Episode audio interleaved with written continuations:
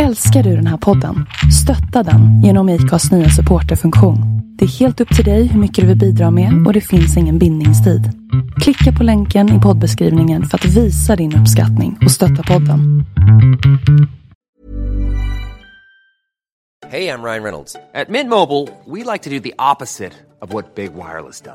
De laddar dig mycket. We charge you a little. So naturally, when they announced they'd be raising their prices due to inflation, we decided to deflate our prices due to not hating you. That's right. We're cutting the price of Mint Unlimited from $30 a month to just $15 a month. Give it a try at mintmobile.com slash switch. $45 upfront for three months plus taxes and fees. Promo for new customers for limited time. Unlimited more than 40 gigabytes per month. Slows. Full terms at mintmobile.com.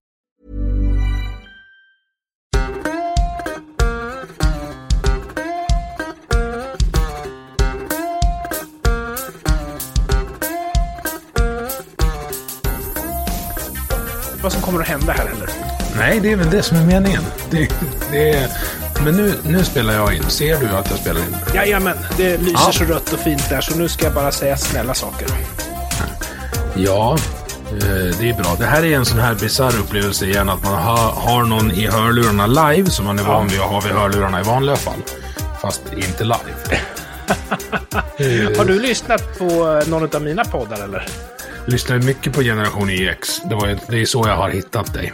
Och sen Jaha. har jag, har jag nu som research inför det här eh, kollat igenom diverse YouTube-klipp eh, och eh, läst lite saker. Mm, men då Så vet jag du om att allting som finns på YouTube med mig är gammalt eller så är det apolitiskt. För jag har, jag har liksom lämnat det här med att skrika om politik på YouTube. Det funkar inte för mig. Du har gjort någon slags gallring alltså? Ja, nu sitter jag och försöker vara allmänt trevlig och titta på film tillsammans med en kille som heter Henrik Andersson. Och det är ju en sida av mig som jag tycker bättre om när jag kan prata om någonting annat än bara skälla på att kristna har fel eller på att eh, högern är bättre än vänstern. Liksom. Ja, för du, alltså du har ju något slags, jag skulle vilja kalla det sanningstourettes. Ja, Alltså du, det, fin, det finns ett, alltså det är lite, försvann du nu? nej. Nej, okej. Nej, det var det lite färg i din, din uh, våg där. Jaha. Uh, så jag vart lite orolig. Jo, det finns, det är lite högtravande med latinska uttryck. Och jag, jag har hittat det här för länge sedan och tappat bort det. Eh, Så jag satt igår och letade igenom det, för jag vet att det är universitet, ett universitet någonstans som har det som valspråk. Okej. Eh, Och det, det heter, med reservation för att jag inte vet hur man uttalar det på latin, så heter det sapere auede. Okej. Och det översätts då till våga veta, eller dare to know. Ja. Och jag, jag får ner det som, som att, så här, att sanningen kan liksom aldrig vara skadlig. Alltså information är aldrig farligt. Men vi lever ju faktiskt i ett debattklimat, åtminstone på Twitter. Alltså jag är ju lite grann skadad av Twitter, för det är ju, även om jag faktiskt är en person som reser på arslet och åker ut och debatterar folk, antingen på nätet eller inför publik, muntligen eller öga mot öga, så hänger jag ju mest på Twitter. För jag menar, en vanlig dag är ju inte jag ute och debatterar, utan en vanlig dag sitter jag ju framför datorn och läser vad folk skriver och sådär. Och debattklimatet skulle jag ju säga idag, det är att man eh, är mer intresserad, alltså man ger en like eller något sånt där, eller retweetar, om man får medhåll. Men man är inte så intresserad av huruvida det som påstås är sant eller ens huruvida logiken i det som påstås eller argumenten går ihop. Och för mig skaver det där och jag tror att det finns en skillnad på vissa människor som är pragmatiker. Och det är de som liksom retweetar det de gillar, likar det de gillar.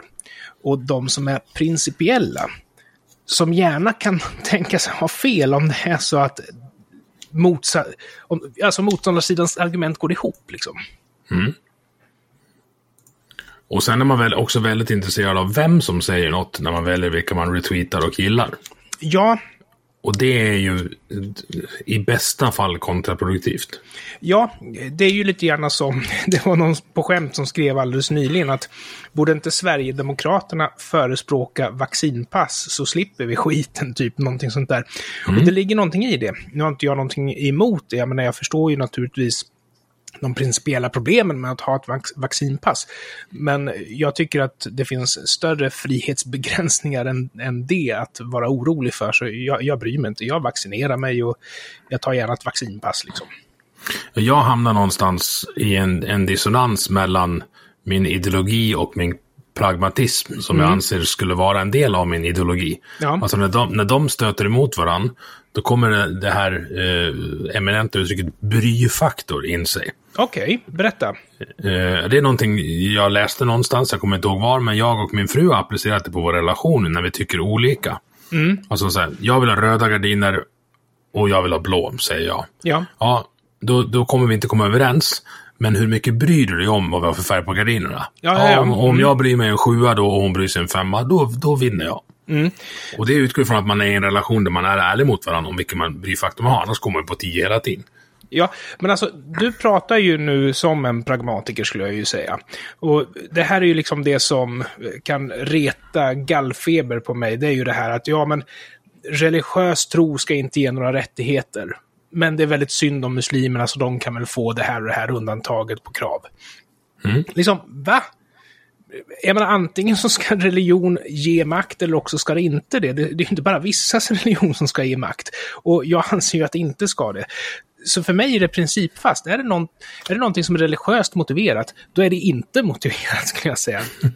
Därför att din tro, du har ju full religionsfrihet, men du kan inte få några liksom privilegier Oj, förlåt mig. Privilegier, privilegier, privilegier. Nu ska du höra på den. Mm. Du, kommer inte få, du ska inte få några privilegier för att du tror på någon specifik gud. Och herrejösses, det här kommer dina lyssnare få. jag ber så mycket om ursäkt. För att du uttalar fel. Nej men, nej, men uh, religion. Vi har inte, nu har det gått fem minuter, vi har inte ens presenterat dig. Men välkommen till Vi måste prata, uh, Anders Hesselbom. Tack så hemskt mycket, Emil. Uh, har du hört liknelsen mellan en religion och en penis? Ja, jo. Och... Jag, tycker den, jag tycker den är bra. Ja, jag tycker den är bra, men jag tycker inte om den därför att för det första så är den alldeles för vulgär. Och mm. för det andra så är det så att eh, det finns tusen människor som, eh, ja Anders, du gillar att debattera religion, har du sett det? Ja. så jag får den nerkörd i halsen om jag säger så. Då hoppar, då hoppar vi över den. Men sammanfattningsvis, det, det är okej okay om du har den, men behåll den för dig själv. Är... ja, och jag menar, yttrandefrihet, tankefrihet, åsiktsfrihet, religionsfrihet. Allt det här är ju de frågorna som jag brinner för och som jag liksom är beredd att kämpa för andras rätt att få utöva sin religion. Mm. Men inte på bekostnad av nästa person att utöva sin religion, eller nästa person att utöva sin. Om vi backar tillbaks då. Mm eh, till eh, mer eller mindre välkomnandet. Ja. nu, har vi, nu, nu har vi etablerat var du är idag och vad du, vad du, en av de sakerna du tycker om att debattera. För debattera du tycker om och det är du bra på. Men hur blev du den du är idag då? Ja. Var, var, börj, var började historien? Ja, men det blir ju lite grann en presentation till vem jag är då. Eh, jag jobbar ju idag som eh, programmerare, främst inriktning på säkerhet på en eh, stor statlig myndighet. Och jag har väl jobbat i privata sektorn som programmerare hela mitt liv, men fick ett jättefint erbjudande som jag inte kunde tacka nej till. Och det började i, ja, i Örebro. Jag växte mm. upp i en, vad ska man säga, medelklassfamilj, bodde i villa. Eh, på den tiden så var ju medelklassen, alltså det var ju två tredjedelar samhälle, så det var ju eh, en, en fattigt liv. Men å andra sidan så hade man ju liksom villan och sådär och bodde fint och sådär. Och eh, hemmet var väl religiöst. Jag ska säga att hos mina mor och farföräldrar så var det ännu mer tydligt, för där var det bordsbön och kvällsbön och så vidare. Och på den tiden var ju även kommunala skolan som jag gick i var ju ofta väldigt religiös. Och just mm. den skolan jag gick i så var det ju psalmsång på morgonen och sen så var det eh, bön innan man fick äta mat och sådär. Hade ni en tramporgel? En tramporgel, ja, ja. det hade vi med i trean.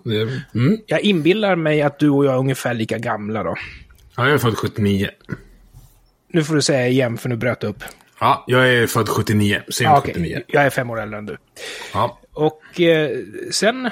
Jag tar det som en komplimang när folk tror att jag är äldre än vad jag är. Det är Ja. jag inte många som... Ja. Ja, Jag brukar faktiskt bli tagen för yngre än vad jag är och det är för att jag har lite grann av ett babyface. Och sen har jag ju gått upp i vikt ganska kraftigt eh, senaste tiden så då håller man väl huden slät antar jag. Ja, fast Men- du, du pratar ju med en liten så här pilsnerfilms dialekt, om man ska säga. Så du, är- du, jag kan tänka mig att du var ganska lillgammal, runt 20 redan. Nu får du säga igen för att det bröt upp, förlåt mig. Jag kan tänka mig att du var ganska lillgammal runt 20-årsåldern. Nej, jag var väldigt Nej. barnslig. Men Okej. jag skulle säga att där börjar det ju hända saker. Därför att dels så, vid den tiden så hade jag ju för det första upptäckt att programmering faktiskt var ett yrke, det hade inte jag en aning om.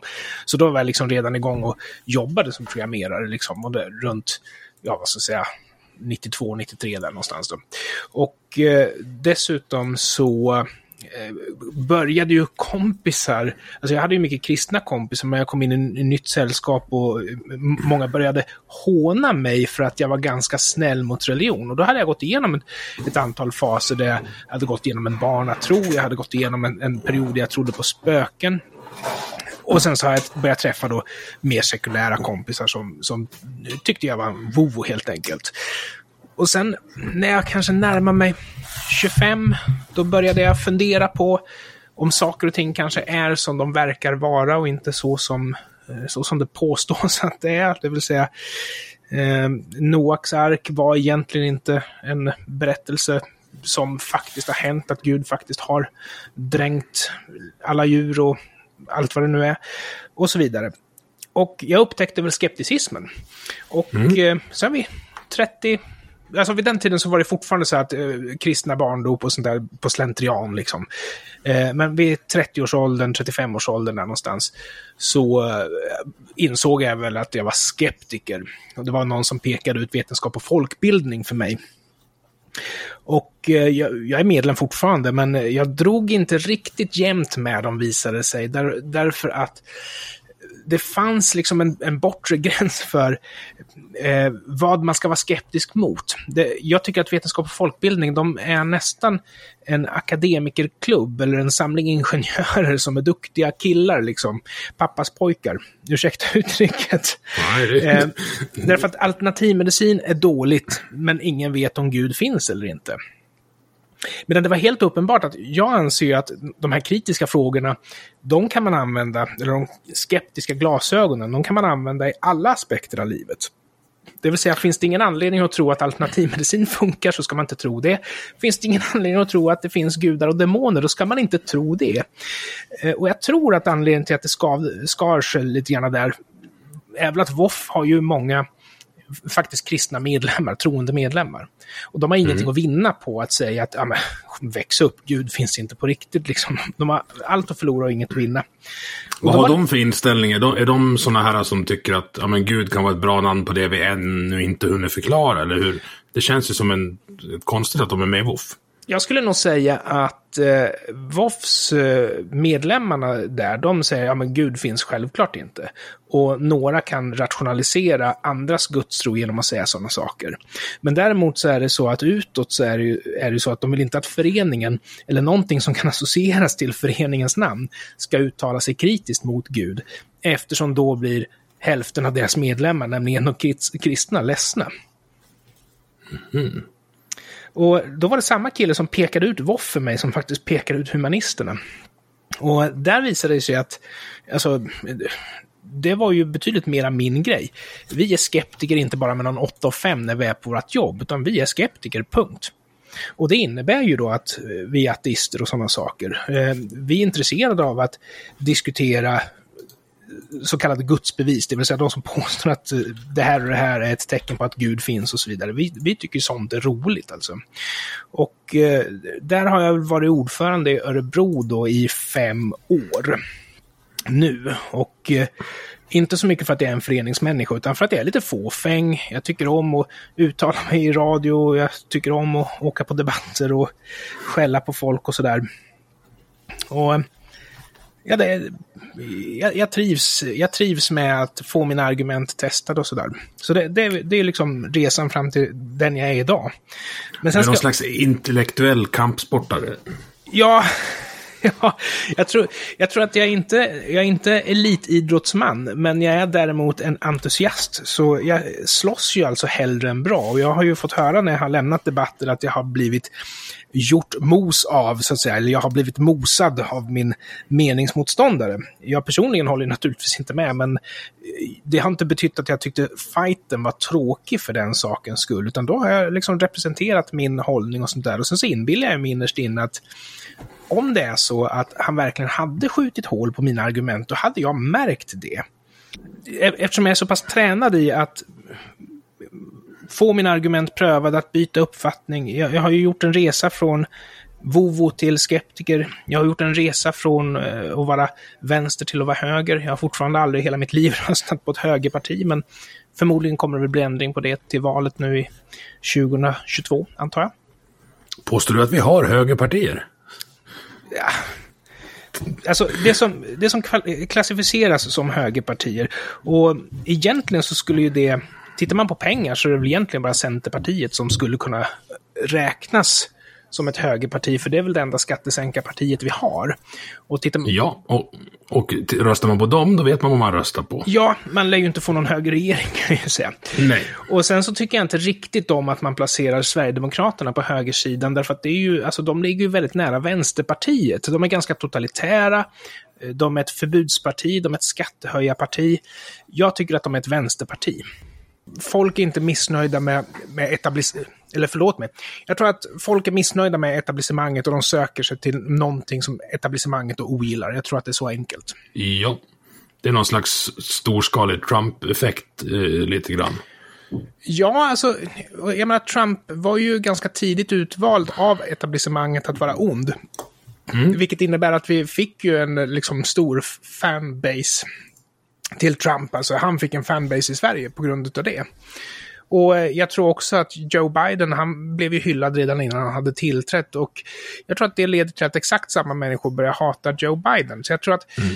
det finns en viss typ av människor som är trötta på att bli klappade på huvudet av vad ska man säga, borgerligheten. Och då menar jag inte den politiska högern, utan då menar jag liksom journalister, makthavare generellt, liksom, myndighetspersoner. Ja, någon slags el elitgrupp.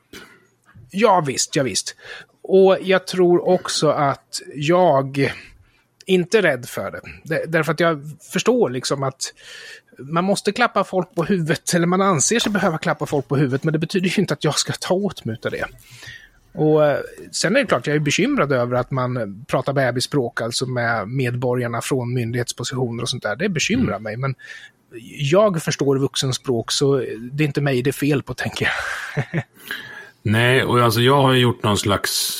Eh, alltså mitt intresse för politik är inte lika gammalt som jag är. Nej. Det är nog snarare tio år. Alltså, ju, ju mer jag eh, lär mig om politik, desto mindre politik vill jag ha i mitt liv. Eh, ja, jag håller med. Vilket, vilket, blir en paradox, för då vill jag lära mig mer om det för att, att på något sätt alltså bekämpa är väl ett starkt ord. Men mm. eh, jag vill ju hemskt gärna vara i fred. Ja, Nej, men jag, jag, håller faktiskt med. Och egentligen är det inte politik jag är intresserad av heller, för politik är mycket byråkrati, utan det som lockar är ju just det här att försvara folks rätt, folks eh, privatliv, folks integritet, alltså att vilja skapa ett liv som är så drägligt som möjligt. Och det är ju politik ur, ett ideologiskt, ur en ideologisk synvinkel, ska jag säga. Men mm. däremot så är ju politik är ju väldigt mycket administration och byråkrati. Formalia, väldigt mycket formalia. Och det intresserar mig inte det minsta. Liksom. Nej, det behöver ju finnas på plats. Ja. Nu är hundarna arga där i bakgrunden. Jag tror att de är uttråkade. Jag hoppas att det ja. går bra. ja, det är lugnt. Det blir livekänsla som sagt. Nej, men alltså formalian skulle ju... Jag tänkte på det du pratade innan om att du gillar att debattera och det svenska debattklimatet. Vi har ju inget debattklimat i Sverige. Vi har ingen erfarenhet av att debattera. Jag hade Aron Flam med i, i, för några avsnitt sedan. Det var han som fick upp ögonen för det. Att just, just konsten att debattera och formen att debattera saknar ju vi.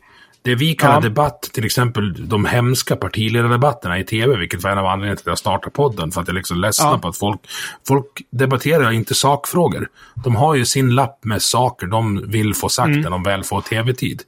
Mm. De har sina de- talpunkter som det så fint heter. Ja, och de svarar aldrig på frågorna. Där skulle Det jag vilja om, omdefin, omdefiniera talmannens roll. Alltså jag tycker Ja. han skulle kunna slå med klubban i riksdagen. Men svara på frågan! Ja, jag håller helt med. Och det är ju uppenbarligen så att, eh, alltså det är väl de här mediatränarna. Det här är ju alltså väldigt abstrakt för mig, för jag känner inte till det här. Men jag inbillar mig att det finns mediatränare som säger svara aldrig på en fråga, utan se frågan som ett tillfälle för dig att ha mikrofonen under näsan och säga det du vill ha sagt istället. 100 procent. Och jag tror också att, eh, och det här är lite grann det jag menar med att klappa folk på huvudet. Jag tror att de är helt övertygade om att ingen förstår skillnaden. Jag tror att de är helt övertygade om att, ja, vad tänker du äta för mat idag? Ja, jag vill sänka skatten. Jag tror att de är helt övertygade om att svenska folket köper det här. Jag är tveksam. Det finns ju de här, igen då, de här präktighetsministrarna som tar det här som en signal att jag vill sänka skatten är ett rimligt svar på frågan vad tänker du äta för mat idag? Men folk som fortfarande liksom tänker, de förstår ju att det är inte det. Nej, och frågan är vad man, vad man gör åt det här. Alltså jag, jag, jag tror ju att eh, finansieringsmodellen vi har av media gör att media vågar inte utmana det här. Du har helt rätt. Du har helt rätt. Eh, Alltså definitionen av fri media kan driva mig till Ja, vansinne. den, är, den är absurd. Alltså, all- den, den, är, den är bara fri om den betalas av staten. Då är den fri. Det är verkligen Ja. Och den är bara fri om den är strikt statligt reglerad. För det, det är många som tror att, ja men okej, vi får kanske inte SVT gratis, vi måste betala för SVT. Men SVT är fri som i speech. Men SVT är inte fri som i speech, utan SVT är ju statligt reglerad media. De har väldigt st- strikt sändningstillstånd som talar om att de inte får gynna vissa saker, att de inte får vara partiska på vissa sätt och så- sådär. De får aldrig liksom driva en agenda. Och när de Och då väl får man driver svar en agenda... Ja, kör du. Ja, och när man väl driver en agenda, vilket man måste göra för att liksom, kunna berätta en berättelse, ja då kommer ju JO-anmälningarna in istället. Därför att objektivitet kan ju inte uppnås genom att du har en nyhetsredaktion som är den objektiva nyhetsredaktionen. Utan objektivitet uppnås ju i att det finns konkurrenter som kanske väljer en annan agenda, en annan vinkel på samma berättelse. Ja. Men jag menar, i Sverige var ju radio och tv olagligt ända in till slutet på 80-talet liksom. Det, det är ju helt bisarrt. Alltså, och, men de här sakerna... Eh, så det är klart att folk vet om det och informationen finns tillgänglig, men det ingår inte i det allmänna medvetandet av någon anledning. Nej, och jag, jag tror också att eh, även personer som jobbar inom public service är helt övertygade om att public service handlar om att tycka rätt saker och att eh, finansieringen ska vara tvångsmässig. Men jag håller inte med alls. Alltså, runt, tittar man runt om i världen så är ju det mesta public service är ju reklamfinansierat. Liksom. Det som gör att någonting är public service är ju att man är i allmänhetens tjänst, att man försöker ha folkets intresse i åsikt. Eller förlåt mig, i åtanke heter det. Eh, Det vill säga att man berättar kanske om politikerbeslut, man berättar om vilka remisser som har kommit in och sådana här saker. Man berättar vad som händer runt om. Det är public service. Man kan göra ett program om vetenskap, det är public service. Och jag menar, skulle man säga tvångsfinansiering och statlig kontroll, att det är public service, då var ju för sjutton Hem till gården public service på 80-talet. Då var Dallas eh, public service på 80-talet liksom. Det är helt Eller bisarrt. Melodifestivalen. Då är Melodifestivalen public service idag. Melodifestivalen är ju liksom bara ett skivbolagsjippo liksom. Och när, när motståndarsidan i det här fallet, i och med att du och jag verkar rätt eniga, eh, blir synade på det här. Då, då faller deras korthus ganska snabbt. För då, oftast, om man frågar, om man ställer tre, fyra följdfrågor, så snärjer de in sig i följande resonemang. Vi måste skydda public service mot politiskt eh, inflytande om vi skulle få en icke-socialdemokratisk regering. Men vi har aldrig utövat något politiskt inflytande under de hundra åren av socialdemokratiskt styre. Det skulle vi aldrig göra. I och för sig så idag så har ju politikerna blivit ganska duktiga på att inte bedriva inflytande över public service därför att det behövs inte. Public service är ganska vänlig mot makten. Det är ju bara när det är alldeles uppenbart att eh, regimvänliga eller regimen själv har gjort fel som de rapporterar om det. Och jag menar, ta det här senaste exemplet där de intervjuade en som hade hoppat av Kristdemokraterna och gått med i Centerpartiet. Det var ju mm. jätteintressant att höra, för då får man ju höra vad det är för fel på Kristdemokraterna och varför Centerpartiet är bättre. Det är jätteintressant. Men du har ju tusentals och åter tusentals människor som har lämnat Socialdemokraterna för Sverigedemokraterna. Och är det någonting som alla som gillar public service är helt överens om, det är att vi vill inte veta varför. Nej. Nu gjorde Uppdrag granskning ett försök till det förra veckan. Jaså? ja. De åkte Berätta. ut till, ja, de åkte ut till, till uh, kommuner där Sverigedemokraterna har stor uh, röstbas i kommunalvalet och frågade folk varför de hade bytt. Det var kanske inte det bästa Uppdrag granskning jag har sett. Men de, de gjorde det ändå. Ja. Och, och fick de några, några stränga svar då? Ja, det fick de. Alltså det var ju, ja men så här, att eh, sossarna inte är ett arbetarklassparti längre. Vilket ju... Nej. Alltså för mig är det så uppenbart att de, de inte är det. Utan det är, det är ett arbetarparti för folk som inte arbetar. Ja, alltså jag skulle ju säga att eh, jag tror inte väljarna betrakta dem som ett arbetarparti, utan jag tror att väljarna betraktar det som partiet man kallar för arbetarpartiet. Därför att du har ju precis det här snacket om att åh, folk som röstar på Socialdemokraterna har mycket högre utbildning än folk som röstar på Sverigedemokraterna. Och det är ju bara liksom, det finns ett klassförakt här, att det, det är bara liksom low life som röstar på Sverigedemokraterna. Så att säga. Var, var någonstans i den här makthierarkin ställer ni arbetare? Eller är det inte arbetarna ni vänder er till? Är det akademiker ni vänder er till egentligen? Liksom? Så, så det, det, finns en intressekonflikt och det är uppenbart, uppenbart så när hon, eh, Soffan Hermansson, eh, som, som på något sätt har lite, lite kontakt kvar med sina rötter. Att hon blir då nästan lite utfryst skulle jag säga. Mm. Nej, så, och det här, är väl, det här är precis det vi pratar om nu som, som gör att jag ogillar politik. Och jag finner alltså de teoretiska diskussionerna om politik väldigt intressant och de tar upp väldigt mycket av min tid. Eh, men, men däremot partipolitik, traditionell partipolitik, är tråkigt. Och jag ska också i ärlighetens namn säga att det finns ju sidor hos mig som jag tycker bättre om än den skeptiska och den politiska Anders Hesselbom.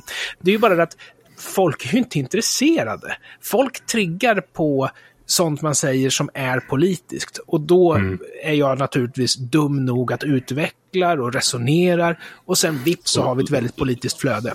Dyka upp i poddar. Ja, men det är ju igen min, min fåfänga där. eh, det var... Eh, TV4 ringde i veckan och de behövde ha någon ifrån onda lägret då, en sån här humanist som skällde över begravningsväsendet. Alltså självklart sa jag utan en tanke på någonting. Och sen, var du arg på begravningsväsendet innan eller vart du det? Ja, ja, jag var det faktiskt innan så det passade bra. Men främst anledningen till att jag tackade ja var för att jag blev smickrad såklart. Mm. Och eh, sen i eh, fredags så gick jag till jobbet i en urtvättad jacka och orakad och dan och då helt plötsligt, ja nu är vi här, nu får du komma ut och prata. Så fan. Men det, du vet, man kunde ha tänkt sig för. Man kunde ha frågat när. Man kunde ha gjort vad som helst. Men jag tackar ju ja för att jag skulle få en kamera uppkörd i ansiktet, om jag ska vara helt mm. ärlig. Du är, det är därför jag är ordförande för Humanisterna Örebro. Jag tycker om att vara... Jag är teaterapan. Och mycket av det jag gör på mitt jobb idag, det är att hålla utbildningar och föredrag och sådana här saker. För att jag är en teaterapa, liksom. Jag vill, vi ska hänga kvar lite i politiken innan vi ska ge oss mm, på självklart. Jesus och dem. Du berättade ja. om att du har gjort en resa från vänster till höger. Mm. Jag hör nästan aldrig någon som berättar om resan åt andra hållet. Nej, men jag tror att eh, har man sett eh, det här spektaklet utifrån, vänsterspektaklet utifrån, då vill man inte in där igen. Däremot så är det ju väldigt många personer som, alltså det vet jag på Twitter, det är väldigt typiskt där, ja ja, men bryr dig inte om han, han är väldigt vänster. Så Nej, jag är inte vänster, jag röstar S men jag är inte vänster liksom. Ja, ja, mm. det spelar ingen roll liksom om du anser att du är vänster eller inte, men du förstår vad jag menar liksom. Så, så ja, ja, vad ska man säga? Jag, jag, tror att har man sett spektaklet utifrån då, då vill man inte tillbaka in. Men jag tror ju också att jag förstod inte att det fanns några alternativ eftersom det, var, det är lite grann som med den här Svensson Svensson när de två berättar för varandra vad de röstar och, och sen så säger pappan i familjen, va? Är du inte socialdemokrat? Det är ju olagligt. och jag tror att jag var ganska mycket under den, av den uppfattningen också. Liksom.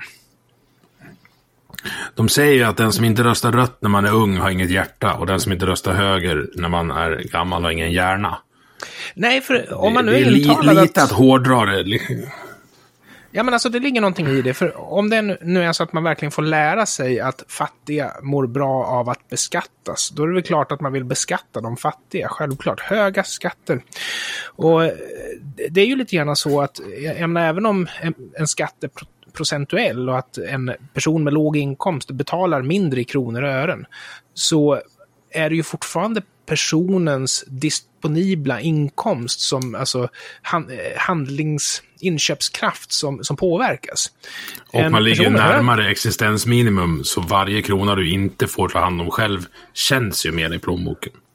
Ja, visst är det så. Och har du hög inkomst så betalar du betydligt mycket mer i skatt. Men det spelar ingen roll, för du har ju kvar din finansiella styrka, din valfrihet, din köpkraft i alla fall. Liksom. Mm. Så, och med jobbskatteavdrag och så här så räknar väl med att en inkomstskatt på 20-25 procent för en låginkomsttagare. 25 procents moms på dambindor, liksom. Vilket är rätt intressant eftersom det är det vi brukar ha på lyxartiklar. Mm. Och moms är intressant i och med att en regressiv skatt. Ju mindre du tjänar, desto större andel av din inkomst beskattas när du handlar och betalar moms. Ja, det är, jätte, det är ett jättekonstigt upplägg. Moms är dessutom en tillfällig skatt. Ja, och jag vet också att när jag påpekar det där så blir folk arga och säger nej, den permanenterades då och då. Ja, men den infördes ja, ju som, som en tillfällig skatt. ja, precis. Det är det som är poängen. Vi skulle väl aldrig ha godkänt den om folk hade varit ärliga med att säga att den skulle bli permanent. Det är ju att man ljuger som gör att man kommer någonstans i politiken. Liksom. Och det, det kan nog vara den sista politikgrejen vi tar. Jag vill, jag vill koppla på en sak på den. Och det är ju att eh, det ligger ju i politikerna och de och byråkraternas intresse av att hålla folket ganska ovetande om vart pengarna tar vägen. Ja, det tror jag. Jag tror att det är jätteviktigt och det syns ju på hur de har trixat med statsbudgeten om en post blir för dyr. Ja, då splittar man upp den i två och så ger man den lite andra namn och sådana här saker. Och det är också mm. väldigt tydligt att vilka beslut som fattas av utskott som är skattefinansierade ska helst hemlighållas. Och det syns ju nu på de här upprepade försöken från Socialdemokraterna att begränsa möjligheten att begära ut domar och sådana saker. Och dessutom så har du det här med när man diskuterade SVT, hur mycket utav pengarna som egentligen gick till programproduktion och hur mycket som gick till administration och till chefslöner, till mellanchefer. Då, då blev de liksom direkt aggressiva och sa, ja men vi är ingen myndighet, vi är ett statligt företag, så våra uppgifter är hemliga, så att säga. Ja, nu blir jag ju ännu mindre sugen på att finansiera det, liksom. Ja, och ännu mer sugen på att gräva i det, vilket Exakt. kanske är en, en, en vad ska vi säga, en fristående journalistkår skulle vara lämplig att ja. sätta på uppdraget. Men jag tror att den dörren är ganska hårt stängd. Du kommer inte in i SVT, liksom. det är Fort Knox. De har inget intresse av att lyfta frågan eller vara medgörlig här eftersom, alltså, får man pengar gratis, varför vill man då ha någonting annat än status quo liksom? Nej, och sen den här eh, det finns en, någon, någon tank, ett tankemönster att pengar blir bättre för mig som enskild medborgare mm. om de först kommer in till staten och sen får jag tillbaks dem. Ja, det, det där är en uppfattning som jag faktiskt ganska nyligen har, har upptäckt är liksom ganska utbredd. Och en diskussion som man skulle kunna tänkas ha, det är ju det här att ja, men i Norge så är hyrorna liksom lägre för att kyl och frys inte ingår. Och det du betalar mindre i hyra, det kan du ju använda för att köpa ett kylskåp och en frys liksom. Mm. Eh, och har du, inte de, har du inte det kapitalet i fickan så kan du ju alltid göra en delbetalning på de pengarna så har du ju liksom fått din kyl och ditt frys. Då har du ju valfriheten och makten av att välja vilken kyl och frys du vill ha. Mm. Och jag, jag, menar, bor man i en hyresrätt, till exempel med kommunal borgen, sån här allmännytta, liksom, de köper ju det billigaste, sämsta skiten som finns. Liksom. Mm. Och om jag som låginkomsttagare får förvalta de pengarna själv, då kan jag också välja att köpa det billigaste, sämsta skiten som finns, eller så kan jag välja någonting annat. Jag kan ha en annan strategi för min kyl och frys. Betala lite mer för att ha någonting som kanske håller längre och kanske till och med ha den kvar när jag har betalt av den. Liksom. Ja, och kanske ha ett andrahandsvärde som, om du vill byta upp det någon gång framöver. Ja, så alltså, valfrihet alltså, alltså, är inte... Ja, valfrihet är inte så viktigt för den som har mycket pengar. Men va, eftersom de kan alltid köpa sig fria. Men valfriheten finns för de som har mycket pengar. Och vänder man på steken, för en person som är ekonomiskt utsatt, är det betydligt viktigare att kunna göra val. Och jag, jag brukar alltid liksom komma tillbaka till det här med skoluniform. Jag är ju passionerad motståndare till skoluniform. Och jag spenderade väldigt mycket tid i England på 80-talet på grund av att min mor jobbade där titt som tätt. Och eh, skoluniform avslöjar klassamhället. Därför att då har du ett par byxor och en tröja och en skjorta som du ska köpa och ha på dig i skolan. Det syns direkt vilka som inte har råd att köpa nytt lika ofta. Men om det är så mm. att du inte har krav på skoluniform, då kan ju de rika ungarna köpa gul och blå jeans och de fattiga ungarna kan åka till Mega och köpa lika fina jeans för mycket billigare pengar. Du, kan liksom, du behöver kunna göra val när du har sämre förutsättningar. Mm. Då kan alla vara hela och rena om de vill. Det där är ju en ansvarsförskjutning från individen till samhället som är väldigt... Det försvinner mycket pengar i, i administration i den ansvars för skjutningen. Ja, och det är ju en kostnad som liksom, du kan skära bort rakt av. Eftersom om det är så att jag själv bestämmer vilket kylskåp jag ska ha och vilka kläder jag ska ha, då behöver du inte ha en tjänsteman som sitter och bestämmer sådana saker. Och det är ju också så det är därför staten ska vara så liten som möjligt, för det är ju så att pengar som inte är värdeskapande är pengar som försvinner. Eftersom i relation till det värde som konkurrerande länder skapar, så hamnar man efter. Kronan tappar i värde och så vidare. Liksom. Men värdeskapande pengar, det är ju sånt som vi kan liksom producera som folk utanför landet som inte har några skyldigheter till oss kan vara beredda att betala för. Och det är mm. därför vi har kunnat ha ett välfärdssystem som är beroende av att kapital kommer in från utlandet in till Sverige. Det är därför vi har ett så oerhört starkt välfärdssystem i Sverige. Nu har vi ju fått andra problem på grund av att vi är för många som utnyttjar och sådär, men vi har en bra välfärd i grund och botten i Sverige. Och det du säger där, det, det kokar ner till, till varför jag betraktar mig som någon slags liberal konservativ höger-ondska. Att mm. jag har insett att det är just skillnaden mellan folk som gör att, att det överhuvudtaget går att generera värde. Alltså för var, varje transaktion är att jag, ja men så här, jag har varit och klippt mig idag. Då värderar jag de 620 kronorna mer än att gå och se ut som ett jävla pentroll när jag ska upp på scen på, på, på tisdag. Vad lirar du för någonting? Nej, jag ska hålla en föreläsning i, okay. mm. om, om, om mig själv. Mm, eh, och då, då värderar jag de 600 kronorna. Medan hon som klippte mig, fantastiska Eva, hon värderar den timmen hon kunde varit ute och kört motorcykel istället. Kanske inte idag när det var halt. Den värderar hon ju istället för att få de 600 kronorna. Ja. Hon prioriterar så... så alltså är det skillnad i prioriteringar. Ja. Skulle det vara så att olika jobb gav lika mycket lön och att alla hade samma ekonomiska förutsättningar, då skulle incitamenten att göra någonting annat, att Eh, liksom försöka förbättra samhället genom att ta risker skulle ju försvinna.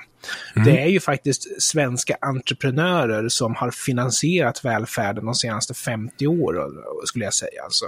Sen har du ju, backar du ännu längre tillbaka så var det ju industrisamhällena, men det är ju liksom en visst entreprenörskap där också, självklart. Liksom. Oh ja. Så jag, jag, och inte heller det skulle ha funkat om alla tjänster var värda lika mycket och alla varor var värda lika mycket och alla var lika finansiellt starka. Det skulle inte ha funkat det heller. Nej, och där får du då alltså incitamentet för att jag ska jobba, eh, mm. ja, men som på tisdag när jag ska iväg och föreläsa. Det är ju till viss del ekonomiskt. För att jag ja. vill att min fru och mina barn ska ha det bra. Och att jag ska Ja, ha en ny motorcykel till sommar naturligtvis.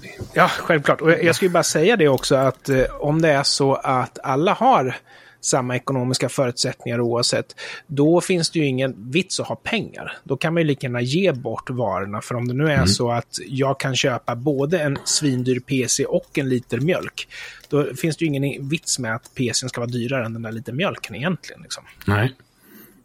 Oh, det där vart corny, men du förstår vad jag Ja, menar. jag förstår precis vad du menar. Sen, sen är det klart, vi vill ju inte komma till den graden där halva befolkningen är miljardärer och halva befolkningen, befolkningen går på gatan. Alltså, jag brinner ju passionerat för att ingen ska bli lämnad utanför, att ingen ska behöva gå på gatan.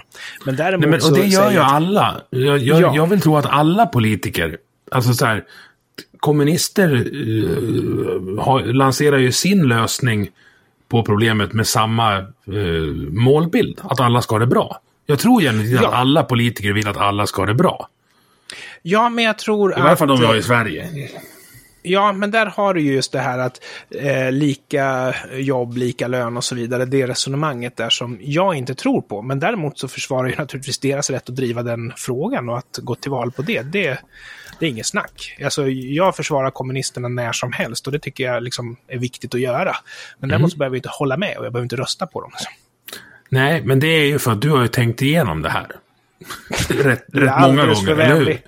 Ja, nej men så här, du, du, ja, men, du, har, ju- du bottnar i det här. Det är inte så att du sitter och, och, och felciterar Voltaire bara för att du ska plocka billiga poänger. Nej, jag är, jag är faktiskt inte särskilt intellektuell. Jag var väldigt sen när jag började läsa böcker och så där. hade svåra läs och skrivsvårigheter och, och har tränat benhårt. Så det är först i vuxen ålder som jag började läsa böcker och sånt där. Men å andra sidan så kan man ju vända på det och säga att det är ju en helt ny värld som har öppnat sig för mig. Jag, jag bara älskar att läsa böcker nu för tiden. Jag lägger väldigt mycket Ja. tid på att göra det.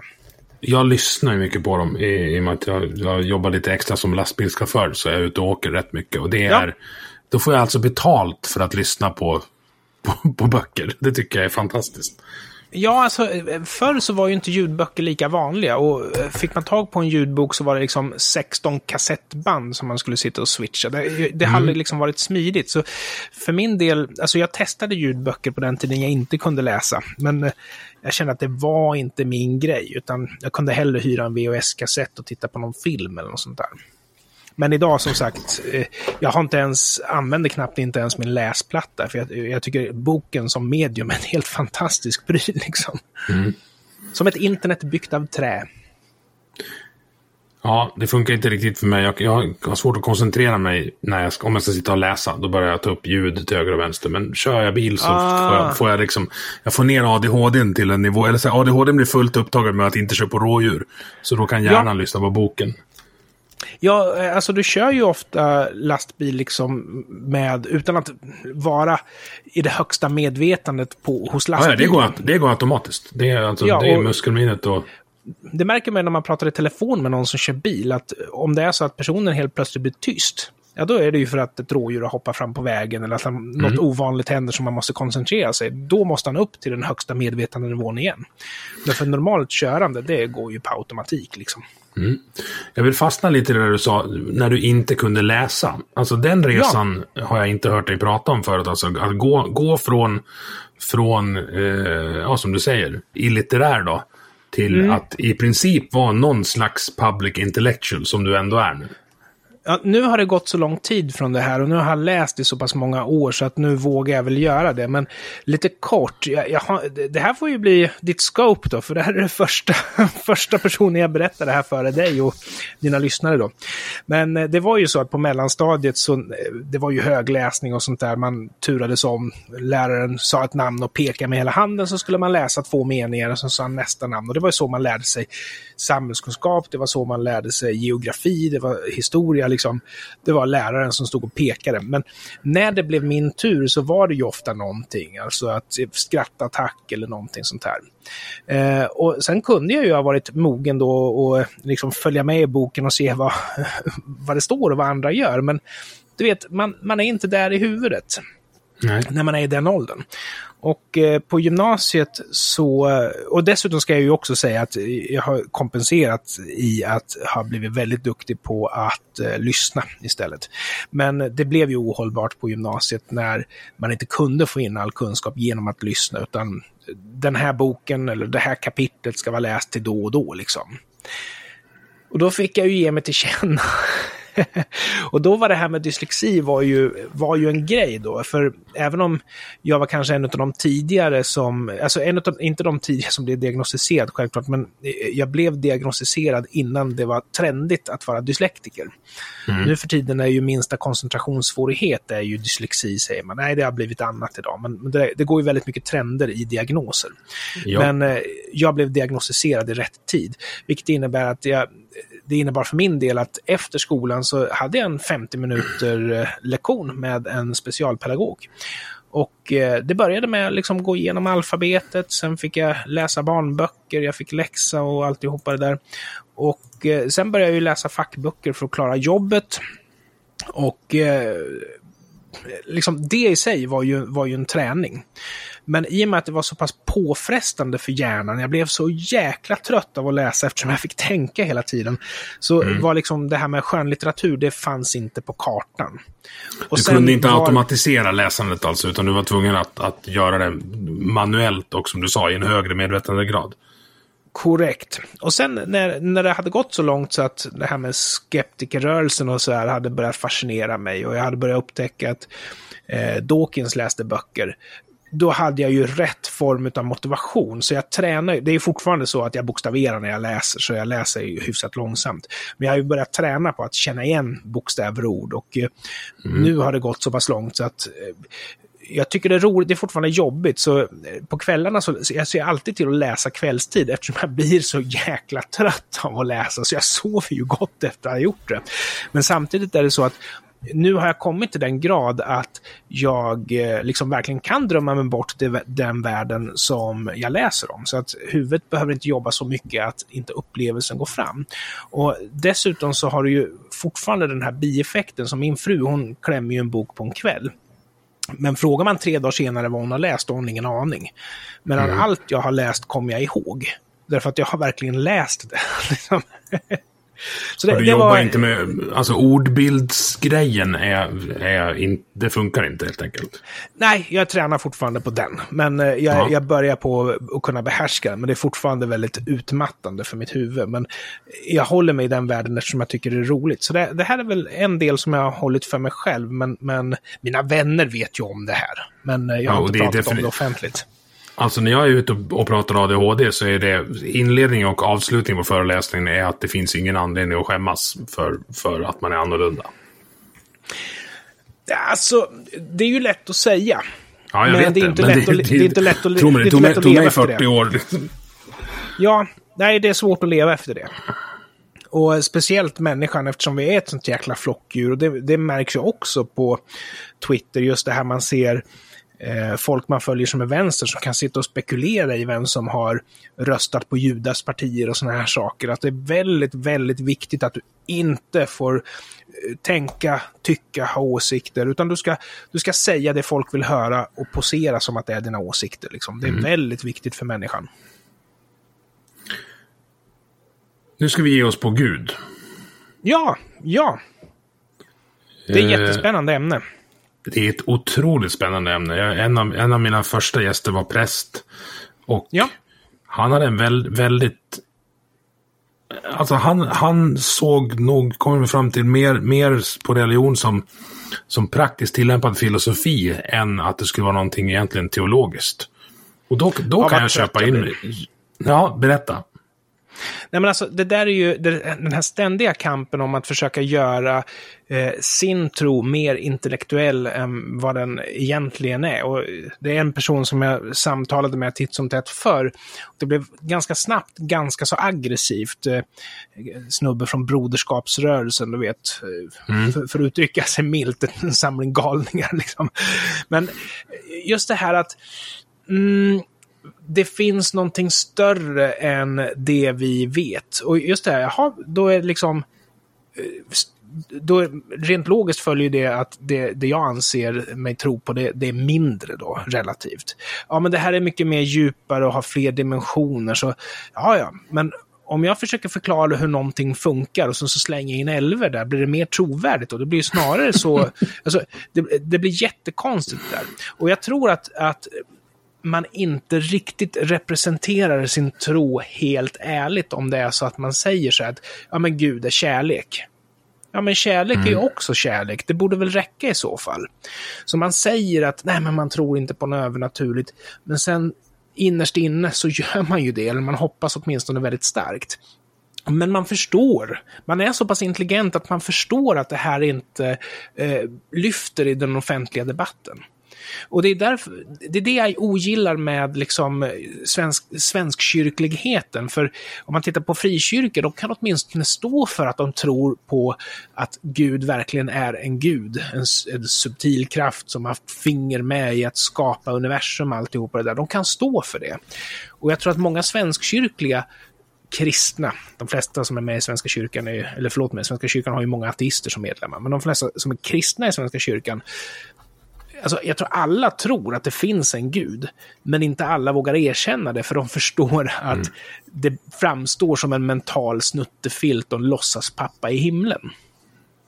Ja, men det, det, är väl det den är. Alltså, jag, jag ser inte... Jag, jag har inget behov av det. Jag är nog lite mer åt, vad ska man kalla det, agnostikerhållet än, än mm. rakt av ateist. Alltså... Mm. Men eh, Om... jag vill bara stoppa dig där och, ja. och, säga att eh, agnostiker är ju jag också. Men det handlar ju, alltså, eh, gnosticism Ska vi definiera det för, för... Vetenskap, precis. Ja. Om det är så att du erkänner att man inte kan bevisa huruvida Gud finns eller, eller inte finns, så är du agnostiker. Men mm. teismen är en fråga om tro. Vad ja. tror du? Om det är så att du är utan tro, då är du ju följaktligen ateist, liksom. alltså utan Gud är du då. Ja. Jag, jag hoppas att jag har fel. Det är alltså så här, om det finns ett paradis efter man har stämplat ut, det hade varit jättemysigt. Efter jät 200 miljoner år i det paradiset, då skulle du önska att du kunde ta livet av dig. Det, alltså, alltså evigheten är en väldigt, evigheten är en väldigt lång tid. Och jag menar, du kommer ju från evigheten. Innan du var född så var det där du befann dig. Så du ja. har ju erfarenheter därifrån. Du vet liksom vad icke-existens är din hjärna kanske inte förnuft, eller liksom kan återkalla det, men förnuftmässigt så vet du vad det är. Och du har ju alltså varit i ett icke-existerande tillstånd i alltså 13,7 miljarder år. Och det har aldrig skadat dig och det har aldrig gjort dig glad liksom. Så du är, du är liksom i den här eh, livet är en, en, en kort ljusglimt mellan två evigheter. Är det där vi landar? Ja, det, det, är ju det det är. Eh, och jag tror att det är det enda sättet, alltså, eh, man, man säger jag är empirist och jag är eh, nihilist och alltihopa det där. Eh, och jag tror att det är det enda, du kan, filosofisk nihilist, jag är, inte, jag är inte nihilist i övrigt, för jag tror att tvärtom, att det här förhållningssättet är det enda sättet som du kan ha för att lära dig att uppskatta hur osannolik din existens är och hur förmånligt det är att du är en av de som faktiskt får finnas i den under en kort, alltså kosmiskt kort ögonblick skulle jag säga. Ja, för den delen tänker jag på filosofiskt. Alltså om man, tänk, om man tänker på sitt stamträd bara tusen år tillbaks. Mm. Om någonting hade gått annorlunda bland de liksom hundratusen människorna du har bakåt där om någonting, en grej hade gått annorlunda, då hade man inte funnits. Men saker och ting kan ju inte gå annorlunda, därför att du är ju, din existens är ju en svallvåg från Big Bang. Att, att du finns är ju en ofrånkomlig Pratar vi det, determinism nu alltså? Ja, det, det, måste vi ju nästan göra, för alltså universum är ju egentligen liksom strängar som tickar och alltså, tänk dig John Conways Game of Life fast i större skala så, så har du universum liksom. John Conways Game of Life, det tappade mig. Ja, det är cellular modulation. Det betyder alltså att du eh, eh, placerar ut enheter på en spelplan. Och så mm. beroende på nuvarande konfiguration på den spelplanen så gör du vissa förändringar. Och sen beroende igen då på nuvarande konfiguration som blev då, gör du förändringar enligt samma regler. Runt, runt, runt liksom. Och, och det är verkligheten skulle jag säga. Mm. Så jag tror att du har ju naturligtvis kontroll över din, dina handlingar och, och sånt där. Men fri vilja finns ju inte. Du är en slav under viljan. Om du blir sugen på en öl så kan du välja att ta en öl eller, inte ta en öl, men du kan inte välja att bli sugen på en öl. Liksom. Eh, däremot så kan du intala dig att du är sugen på en öl. Eh, det är, inte, så, det är ingen lång startsträcka för mig kan jag säga. Nej, eh, nej. Men det där, det där får du utveckla mer. Alltså, fri ja, och, finns inte, men... Men du, du, är ändå ansvarig för dina handlingar, därför att du har kontroll över dem. Men hur du väljer att kontrollera dem beror ju på din hjärnas uppsättning och nuvarande konfiguration. Och den är du ju sin, sin tur ett offer för. Och så vidare, ända tillbaks. Allting som finns, allting som händer kan härledas tillbaks till Big Bang. Nu vart vi djup, eller du vart djup Anders, och jag känner att jag bottnar inte riktigt i det här. Nej, jag, jag släpper jag gärna det här ämnet. Nej, nej, nej. Ja, släpp... Då dyker vi. Dra, dra ja. med mig ner på djupet. Det är det jag vill. Ja, men jag, jag, kan däremot göra en poäng utifrån det här och, som, som har att göra med varför jag är naturalist eller inte. Och det är om du tänker dig att eh, en beskrivning av verkligheten helst ska gå ihop jag vet inte allt. Jag vet inte hur Big Bang fungerar och jag kan inte beskriva alla steg som har inträffat på resans gång. Men jag kan åtminstone ha en modell som något som när går ihop, det vill säga jag har inga lösa trådar i huvudet. Utan all, alla trådar som sträcker sig till ett område där jag inte förstår mig på vad som händer eller där jag inte kan det, de fäster jag vid mina unknowns. Medan om det är så att du blandar in en övernaturlig agent i den här smeten, som kan allt, som vet allt, som kan göra precis vad som helst. Då har du ju ett pussel i huvudet som inte går ihop, därför att då kommer ju vissa av de här trådarna i det här, i det här garnistan att vara fästa vid den guden. Och fäster man någonting vid den guden, att du finns för att Gud har skapat dig, ja då, med en övernaturlig agent på spelplanen så är allt möjligt. Helt plötsligt kan du inte veta någonting om någonting. Du tittar ut i ett universum och ser ett universum som ser ut att vara en produkt av the Big Bang men den är skapad av en gud som har gjort, gjort det så att det ser ut så. Alltså du kan inte veta någonting om någonting. Så antagandet att yttervärlden existerar, det vill säga att eh, vi inte lever i the matrix, utan att vi lever verkligen i verkligheten, att du finns, att jag finns, att vi kan kommunicera med varandra. Och det andra antagandet, att vi kan lära oss någonting om den här yttervärlden genom att studera den. Det är de två grundantaganden som behövs för att få det här pusslet att gå ihop. Men mm. slänger man in gudar, demoner, änglar och övernaturliga väsen, då har du ett pussel som omöjligen kan gå ihop. Jag menar, kan Gud mikra en Gorbis eh, pirog så att den blir så varm så att han inte kan äta upp den? Alltså om svaret på den frågan är ja, så, så är han ju inte alls mäktig därför att då kan han ju inte äta upp den. Om svaret på frågan är nej, nej så kan han ju inte allt. Då kan han ju inte mikra den så den är så varm. Alltså, saker och ting som inte kan vara sanna finns inte. jag ber så hemskt mycket om ursäkt för det föredraget. Där. Nej, men det där, det där var bra. Det där var teodiciproblemet, vad, vad kallas det? Ja, det är ju ondskans problem, ja. Varför ja. finns det ondska i världen om Gud är allsmäktig och alltigenom god? Ja. Liksom? För då skulle och den fick du ner till en, till en Gorbis-pirog, som för våra unga lyssnare är en referens som kommer gå rakt över Finns de ens kvar? Ja, ingen aning. Eh, jag Nej. vet att min son, min minsta son, han åt dem till lunch varje dag. Uh, när han gick i plugget. Och jag skällde på honom över det där, för han skulle ju äta den skolmaten såklart. Men mm. du vet, man kan inte få allt. Men då, eh, min nästa fråga var egentligen det här med vad som händer efter döden. Men det har vi redan konstaterat, att då stämplar vi ut. Då är det klart. Ja, det, det finns ing, inget snack om någonting annat. Och eh, jag vet att folk blir väldigt irriterade på mig här, men jag brukar liksom kräva av att du måste åtminstone ha en teori om hur själar och spöken och sånt här fungerar. För om det nu är så att du verkligen tror att det finns en chans att du överlever din egen död, vad är det du tror på då? Mm. Eh, skapar Gud Alltså det, det, måste finnas en teori. Hur kan en själ interagera med den fysiska världen? Eh, om den inte kan det, hur vet du att den finns? om det nu är så att vi överlever vår egen död, varför kan vi inte bara vara rädda om klimatet och ta självmord allihopa? För vi klarar oss ju uppenbarligen utan att äta kossor och sådana saker, om det nu är så att vi lever utan våra kroppar och så vidare och så vidare. Eh, mm. Dessutom så, så har vi ju det här trumfkortet att vi som känner till liksom, biologi och sexualsystem och sådana saker, vi vet ju om att det fanns en värld innan vi själva var en del av den. Så vi kan ju, även om jag inte heller förstår evigheten, så kan jag åtminstone förnuftmässigt eh, hantera den i mitt huvud. Liksom. Men jag tror att de inte kan det i och med att jorden ska gärna vara lite yngre, liksom greppbart. 6000 år är fruktansvärt greppbart. En evighet i paradiset, ja men det är väl sex år eller något sånt där. Det, det är liksom fruktansvärda tidsrymder för dem. Men, men jag tror för, för oss är fruktansvärda tidsrymder betydligt större och vi förstår ju mm. konceptet med oändlighet. Eh, och vi vet vad oändligheten gör med just människans psyke, så kommer jag inte vara människa då? Hur är det med ondskan i himlen? Finns det ondska där? Om ondskan beror på den fria viljan, finns det fri vilja i himlen då? då? Mm. Vill vi leva som män? Och det finns ju en beskrivning av både himlen och helvetet i Bibeln. Och eh, mycket riktigt så finns det ju inte fri vilja i himlen, utan det man gör där, det är ju att man spenderar dagarna på knä och bönfaller ett väsen.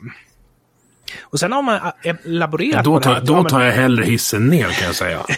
ja, fast då har du ju Dantes Inferno istället. Ja, och fast det ser, riktigt... ut som ett, det ser ut som en bra efterfest. Jag är inte riktigt förtjust i att man kallar det för Dantes Inferno, därför att jag kan härleda Dantes beskrivning av helvetet från Bibeln, eftersom de använder sådana här liknelser som den eviga ugnen och sådana här saker. Så jag tror inte att det är Dante som uppfann Infernot, utan jag tror att den går att härleda ända tillbaka till Bibeln faktiskt. Mm. Men jag läser ju Bibeln som fan läser Bibeln, så... Men det finns ju någon slags kraft ändå i, alltså om man ser Bibeln som en hög med, med sedeslärande historier, så ja. finns det ju en anledning till att de har överlevt så pass länge som de har överlevt. Och jag kan tänka mig att de här historierna fanns nog, har de funnits med ganska bra mycket längre än 2000 år. Ja, vissa är ju betydligt yngre och, och vissa är säkert äldre. Eh, därför att du har ju delar av Bibeln som är nedtecknad mytologi där eh, berättelserna är betydligt äldre än texterna. Men mm. jag skulle säga att det finns nog, alltså anledningen till att Bibeln har hållit så länge är nog inte riktigt den som vi hoppas att det är. jag tror att anledningen till att Bibeln har klarat sig, det är ju för att den har haft en aggressiv försvararskara, nämligen munkar som har förvaltat den och tillskrivit den betydelse mer eller mindre med tvång. Liksom, ja, den har ju funkat som ett verktyg för att kontrollera människor också. Ja, men nu när vi är här, nu när vi har en sån här gedigen eh, gammal bok med oss, så är det någonting vi ska vara oerhört tacksamma för. Bibeln är stor litteratur och eh, alla borde läsa 1917s översättning. Liksom. Det, mm. det, är stor konst. Och det säger ju någonting om vilka vi är. Jag menar, ingenting inom populärkulturen, inga referenser inom populärkulturen eh, är vettiga vettiga om man inte förstår varifrån de kommer. För även om man kan härleda, jaha, men den här liksom, dilemmat, det kommer ju från Shakespeare. Ja, du har säkert en, en färg på det som kommer ifrån Bibeln. Liksom. Det, mm. det slut, väldigt mycket slutar där. Och sen är det klart, det finns ju berättelser som har uppstått i ett vakuum. Men de allra flesta har ju inte det, utan det är ju så att konstnärer står på varandras axlar, precis som vetenskapsmän står på varandras axlar för att nå en högre höjd, så står ju också konstnärer på varandras axlar av samma skäl. Mm. Och det är det som skiljer alltså, eh, relativisterna från eh, de som är vetenskapliga skeptiker. Att eh, relativismen är ju fullkomligt eh, vettig när det gäller eh, konst, liksom. Säga, postmodernism och sånt där, att betraktarens öga och alltihopa. Men det är ju definitivt ingenting som är vettigt när man ska försöka förklara världen. Utan det första du ska göra om det är så att, att jag vill upptäcka ett nytt kosmiskt fenomen, det är ju att skaffa mig en grundlig uppfattning, så korrekt som möjligt uppfattning om hur kosmos faktiskt fungerar, eller hur vi tror mm. oss att den fungerar idag. Och när jag väl är utrustad med det, då är ju mina förutsättningar att kanske slå hål på någonting eller lägga till någonting nytt betydligt större än om jag börjar med ett vitt papper. Mm. Det här var väldigt eh, genomtänkt. Eh, vi har, Vad du är konstat... Nej, men det, det, är du. Jag är imponerad av det. Alltså, du är uppenbarligen jävligt smart och du skäms inte för att visa det heller. Sånt uppskattar jag. Ja, men Eh, vad kul, vad snäll du är. Det är synd att jag inte kan vara lika snäll tillbaka och komma på din föreläsning då. Nej, jag får, jag får dra jag mig gillar- mot Örebro någon gång. Ja, och när jag är åt ditt håll så äter jag så mycket Gustavskorv jag kan, för det är det bästa Ja. som finns. Det är bra. Vet att de sponsrar ett travlopp på Romme?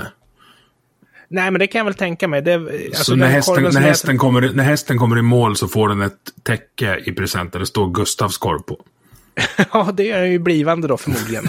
Det är en morbid humor. Jag hörde ett Eh. rykte om att eh, den korven som ni bjuder turisterna på är gjord på nötkött istället. Att den finaste korven den äter ni själva.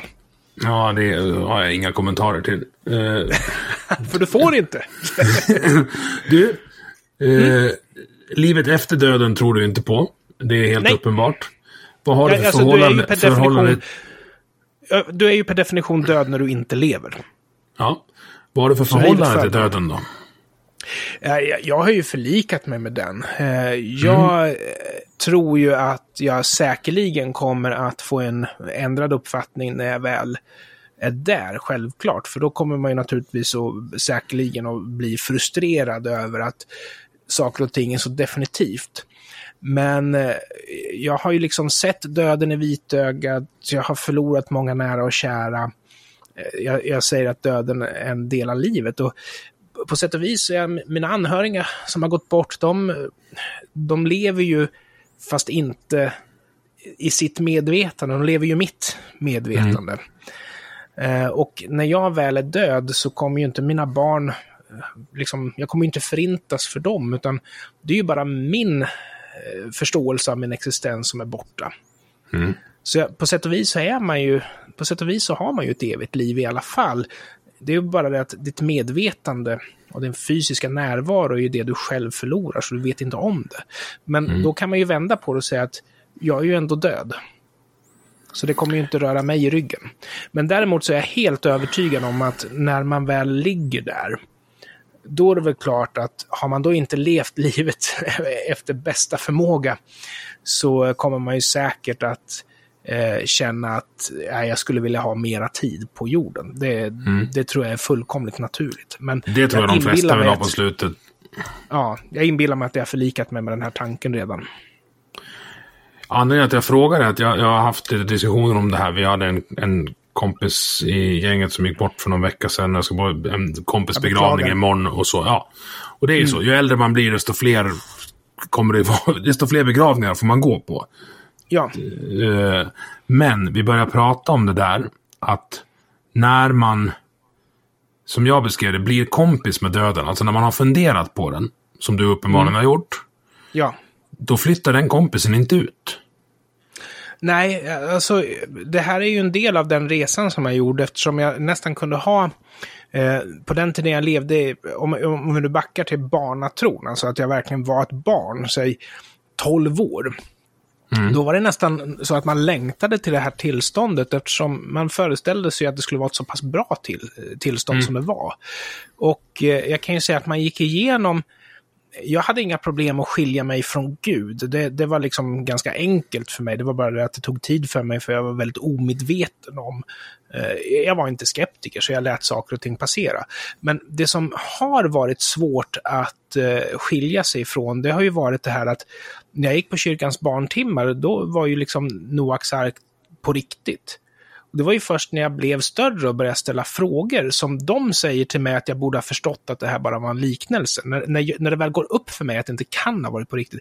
Varför var ni inte ärliga? Eh, när jag konfirmerade mig och, och liksom, ja då var ju Jesus Guds son och född av en jungfru. Och sen nu idag i vuxen ålder så förstår jag att så kan det ju naturligtvis inte ha varit. Antingen var Jesus en historisk person, eller så var han född av en jungfru. Du kan liksom inte både ha och äta den kakan. Ja, då skulle jag ju förstått att det var en liknelse. Och jag tycker ärlighet kostar så lite.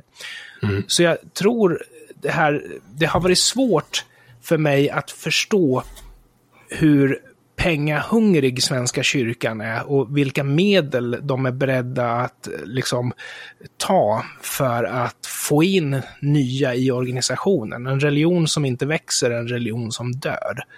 Och det är ju det som Jesus född av en jungfru handlar om. Det är ju det som Noaks ark egentligen handlar om.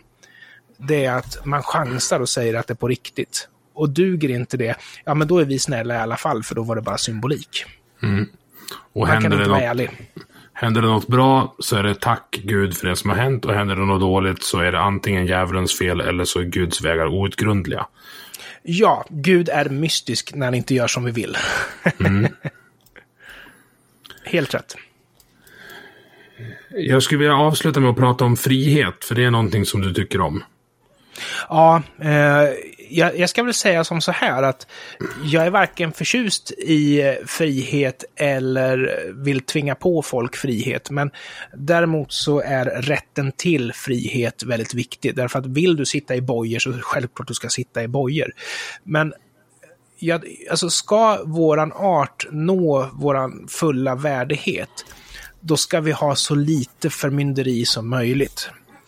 Eh, då ska det komma ifrån v- vårat inre att vilja göra det bästa för oss och för våran omvärld.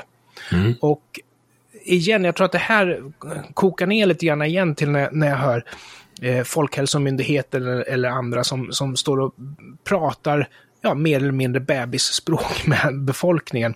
Man använder kontemporära ord och de klappar folk på huvudet och de håller på. Det är inte värdigt. De, de säger att munskydd inte behövs bara för att de inte har några på lager. ja, men, ja, men lite grann så. Lite grann som när kor blev heliga i Indien. På grund av att eh, makten såg torkan komma krypande. Och istället för att säga spara på era resurser så säger man kor är heliga. Det är inte ett sätt att respektera sitt folk. Nej, även om det kanske fanns en god intention bakom det, så, så blir ju, i det långa loppet så, så blir det inte bra. Det, det, Nej. alltså, då är det tillbaka där vi började, att man måste våga veta saker och ting. Ja, därför att godhet är fullt kompatibelt med dumhet. Men det betyder ju inte att dumhet är någonting bra. Nej, och frihet är också fullt kompatibelt med, med kollektivism. Bara att det ska vara frivilligt att ansluta sig. Absolut. För när jag berättar för folk att jag är frihetlig banjohöger så tror de att jag är, är... De blandar ihop individualist med egoist. Ni Och det är har ganska så vanligt. mycket konstiga benämningar på allting. Alltså, jag, jag, ska säga att jag har, inte, jag har inte ens velat ta reda på vad alla de här symbolerna vid folks Twitter. Nej, det förstår, det förstår jag. Eh, Ja. jag. Jag kallar mig banjohöger för att det, det sorterar folk också. Att folk som tror att, att, eh, att man är någon slags inavlad idiot, de kan man lätt Ja. sortera bort. Alltså, de behöver man inte prata med. Jag, har liksom, Ah, jag har inget behov av att, av att eh, umgås med dumma människor. Ja, okej, okej. Ja, nej, jag, jag skulle nog säga att eh, jag blir nog hellre besviken, så att säga. Men, men jag tror ju också, precis som du säger, att sitta i fängelse också en form av frihet. För det, det, allting handlar ju om att var och en ska ha sin möjlighet att vara sin egen lyckas smed. Och jag tror också att eh, klassamhället är Alltså, jag får väl säga som Persson att jag har sett det och jag hatar det. Det är bara det att jag gör en helt annan analys än han i övrigt. Därför att jag tror att låta folk behålla sina medel och få spendera dem fritt är ett sätt att kunna uppnå det här. Och jag tycker inte om det här liksom att, ja men en städerska, hon har ju sämsta förutsättningarna att göra beslutet att inte röka, så därför måste vi höja skatten på cigaretter, så att. Så att hon får ännu mindre pengar kvar medan hon röker. Ja, med, medan jag anser att det finns ju människor, så som jag, som inte skulle liksom eh, tveka en sekund om mitt jobb var att skura offentliga toaletter. Då skulle jag ju fasiken skura offentliga toaletter. Därför att jag anser att det är någonting hedervärt att göra rätt för sig. Jag skulle... Jag, jag behöver liksom inte säga att eh, jag är programmerare på en statlig myndighet för att få respekt. Utan jag är en ämbetsman som gör det som krävs för att jag ska göra rätt för mig och vara en fullvärdig del av ett samhälle. Det är det som eh, liksom, jag får min känsla av stolthet ifrån. Och det är därför jag tror också att integrationspolitiken är en av faktorerna till varför vi har hög kriminalitet. För jag får nästan en känsla av att folk som flyr hit bemöts med en attityd om att det finns ingenting som ni har som vi vill ha av er. Mm. Eh, här får ni bidrag, här får ni bostad. Och de, det blir lätt så att folk som kommer utifrån är inte en del av samhällsbyggandet, utan de är en del av samhällsexploateringen. Inte på grund av att det är något fel på dem, utan på grund av att vi har haft nästan ett rasistiskt behandling av de som kommer utifrån. Som säkert det är, näst, det är fall... inte nästan rasistiskt, utan det är, det är de som är förment goda och öppna har, har liksom de har havererat politiken just för att de inte vågar veta saker. Längtan efter kravlöshet har de förväxlat med godhet. Mm. Jag skulle snarare vända på steken och säga att ta emot folk med öppna armar och hjälp dem att bli en del av samhället så kommer de vara lojala tillbaks. Ja. För så funkar människor. Man vill vara en del av ett sammanhang. Och är det så att en person vill bli en störing och inte alls vill vara välkommen in, ja men då är det det han vill. Då har han aktivt valt det. Då kommer inte han radikaliseras. Nej. Men det är just det att vi gör vissa val åt människor. Det är det som jag tror skapar den här eh, vad ska jag säga, distansen till andra människor i samhället. För ett samhälle är inte bara människor som råkar bo på en geografiskt nära varandra på en plats, utan ett samhälle är skyldigheter, åtaganden, friheter, rättigheter. Och du kan inte ha det ena utan det andra. Kravlösheten är, en, är som en, liksom en tjuv i mörkret. Den kommer att sticka dig i ryggen när du minst anar det. Mm. Och ska man, ska man se på det, ja, min syn på rasism är alltså, alltså tror, tror man att folk i grunden är annorlunda beroende på vad de har för hudfärg eller andra fysiska attribut, då är man dum i huvudet. Tror man att kulturella skillnader på folk eh, eh, försvinner för att de sätter foten på Arlanda, då är man också dum i huvudet. Ja, vi, vi har ju faktiskt kommit ganska långt eh, i Sverige när det gäller feminism och sådana saker. Och påpekar man det så kommer ju folk älska att ta upp den här ministern som tafsade en tjej i stjärten. Men jag menar, jag tror att det är väldigt svårt att exemplifiera och förstå liksom mängd och sådana saker. Men jag, jag skulle säga att drar du liksom slutsatser utifrån en persons bakgrund eller utseende innan du ens känner personen? Ja, men alla gör ju det. Men kan mm. du inte själv ställa dig över det här och liksom förtrycka de känslorna? Då har du nog förmodligen problem med rasism. Och jag menar, alla vet ju liksom. Monty Python har ju skämtat om det här, eller om det var i eh, Pang i bygget, det här avsnittet med Adolf Hitler, när det kommer in en svart läkare. Och han rycker till, liksom, han döljer inte sin förskräckelse. Liksom. Men jag kan tänka mig att på den tiden, där, så var inte svarta läkare särskilt vanligt. Nej. Men det och som då, gjorde och då den skämtar man ju rolig, utifrån den kontexten. Ja, och det som gjorde det roligt det var ju att han försökte ju inte ens trycka ner sin rasism, utan han lät ju den blossa ut. Och då tycker jag som tittare att det här var bisarrt. För att det är mm. bisarrt att inte kunna kontrollera sina känslor. Liksom. Då hamnar vi i, i det här politiskt korrekta klimatet som vi har nu.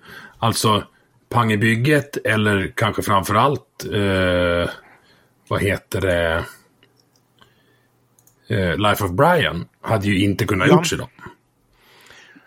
Ja, jag är inte så säker på att det inte hade kunnat göras, men däremot så har ju Islam har ju en särställning i Sverige idag. Att uh, man, är, man har placerat muslimer lite lägre i sin maktanalys.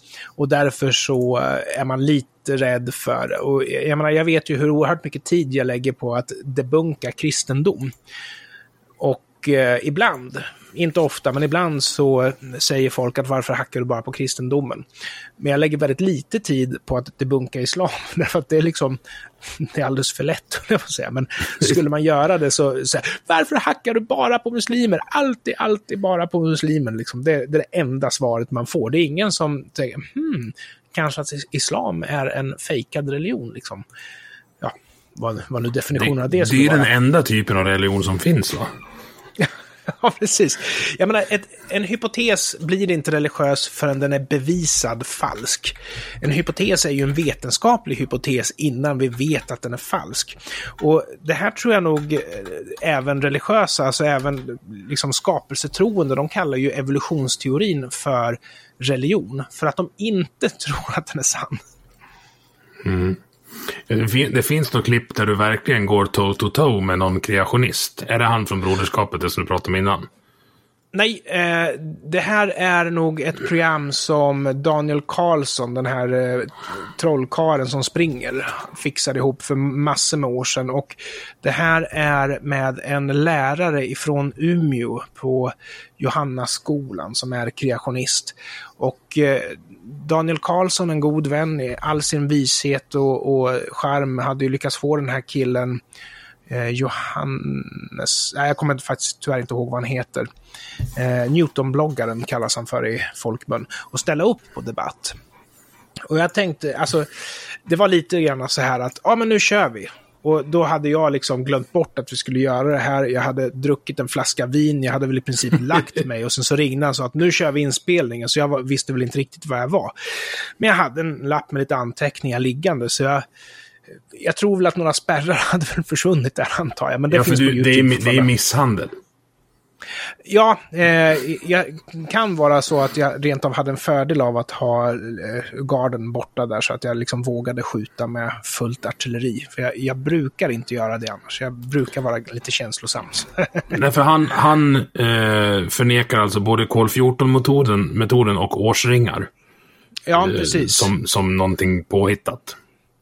Ja, och uranförfall och allt vad det nu är för någonting. Liksom.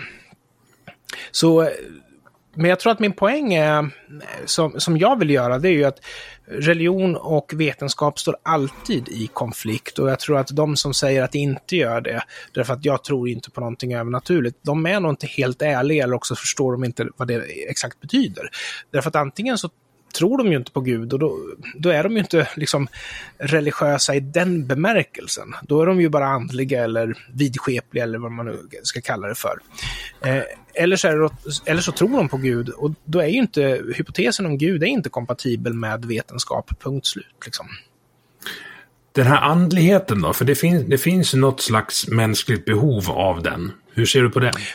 Ja, men eh, alltså jag har ju ett sånt behov också. Det är bara att jag söker inte den i det vidskepliga eller i det övernaturliga.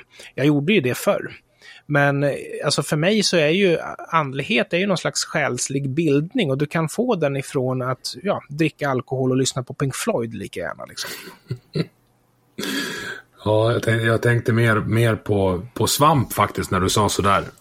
Alltså det, är ju, ja, jag, jag det pågår ju en del intressant forskning. Nej, inte jag heller. Mm. Men det pågår en del intressant forskning i, runt psykedeliska droger nu som framförallt vår, vår kamrat Aron Flam eh, mm. ganska, ganska ofta förespråkar.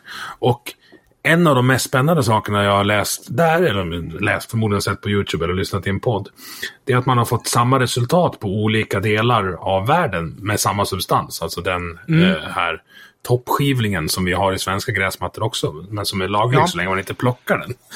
Men ja. då, folk berättar att de har träffat en entity på, i, mm. under ruset. De säger på andra ja. sidan. Och att den har då pratat med dem och sagt samma saker. Och min, ja. min så vet, vetenskapliga delen av mig säger att alltså, det är ju någon, alltså det är någon slags eh, vad ska jag säga, hallucination som, som den mänskliga hjärnan har latent, som de har, som de har upplevt om det är samma. Eh, eller motsvarande. Vad, vad, tänker du om, om sådana, när, när du får sådana saker? Eller blir det som en mm. ufo-observation för dig? Ja, det blir det ju. Och, och, jag kan ju fylla i och säga att eh, de som har haft en nära dödelse, eh, nära dödelse, hör på den, nära döden-upplevelse berätt, berättar ju också liknande berättelser om ljuset i tunneln och den här figuren som de träffar där. Eh, och eh, det säger mig att eh, för det första så tror jag att det ändå kan vara kulturellt. Det är bara det att det är mer protokulturellt. Då. Eh, och det andra, alltså låt säga att eh, vi går tillbaka ända tillbaks till de delarna innan våra kulturer börjar skilja sig åt. För vi är ju ett folk från början. Mm. Men det, det, kan vara helt fel. Därför det, men det kan ju vara en, en faktor. Men det andra är ju precis det du sa att hjärnan fungerar på ett visst sätt. Mänsklig psykologi fungerar på ett visst sätt. Att eh, tummen upp och tummen ner och ett leende och, och, att visa tänderna betyder olika i olika kulturer. Visa ögonviten och så vidare. Det må vara hänt. Men de känslor som förmedlas på de här olika sätten har vi, om inte till 100% gemensamt, så till 75 procent gemensamt med ja, urbefolkningen i Amazonas fortfarande. Mm. Så, så det finns, alltså, eh, tittar man på den genetiska skillnaden mellan en eh, så att säga, mig personligen och eh, en random person från Brasilien, liksom, så är den procentuellt sett minimal. Ja, alltså den är noll. Alltså kollar man, kollar man den genetiska uppsättningen på dig och ett mm. tamsvin på valfri svensk grisgård så är det också väldigt ja. lite skillnad. Ja, jag är till 50% en banan. Och skulle man räkna antalet gener som skiljer mig från en brasilianare så är ju den siffran är ju väldigt stor. Men tittar man på det totala genomet och andel förändrade gener så är den tvärtom väldigt liten. Liksom. Mm. Du har en gen för hudfärg, den skiljer sig åt. Du har en gen för huvudform, den skiljer sig åt.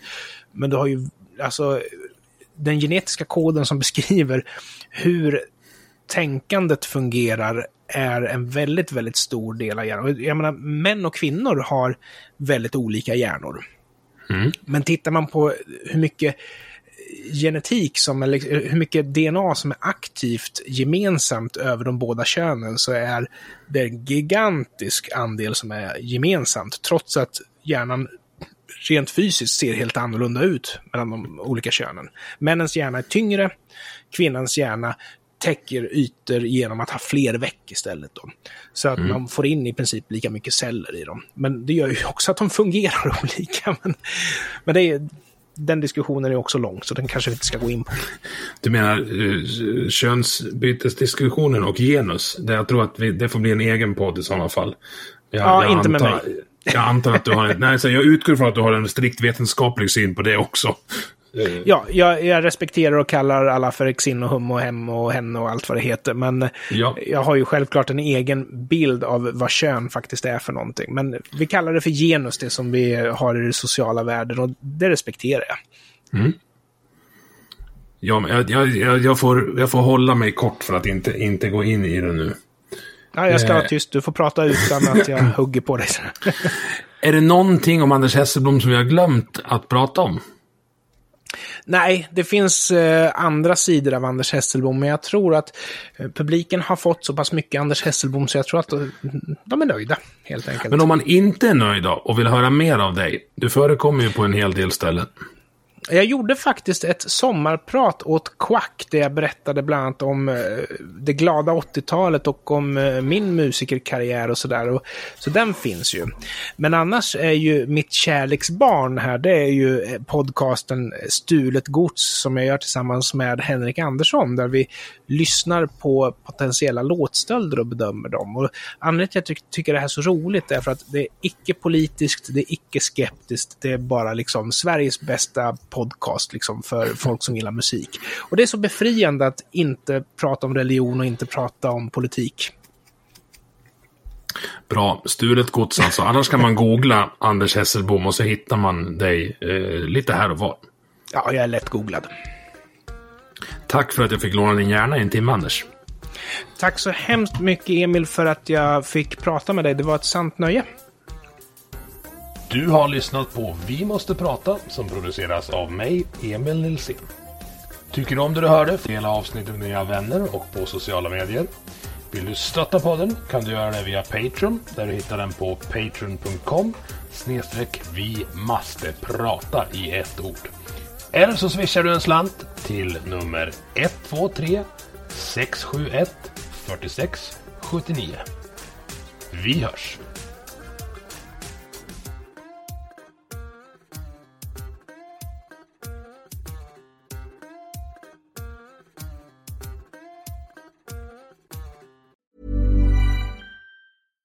Hi, I'm Daniel, founder of Pretty Litter. Cats and cat owners deserve better than any old fashioned litter. That's why I teamed up with scientists and veterinarians to create Pretty Litter. Its innovative crystal formula has superior odor control and weighs up to 80% less than clay litter. Pretty Litter even monitors health by changing colors to help detect early signs of potential illness. It's the world's smartest kitty litter. Go to prettylitter.com and use code ACAST for 20% off your first order and a free cat toy. Terms and conditions apply. See site for details.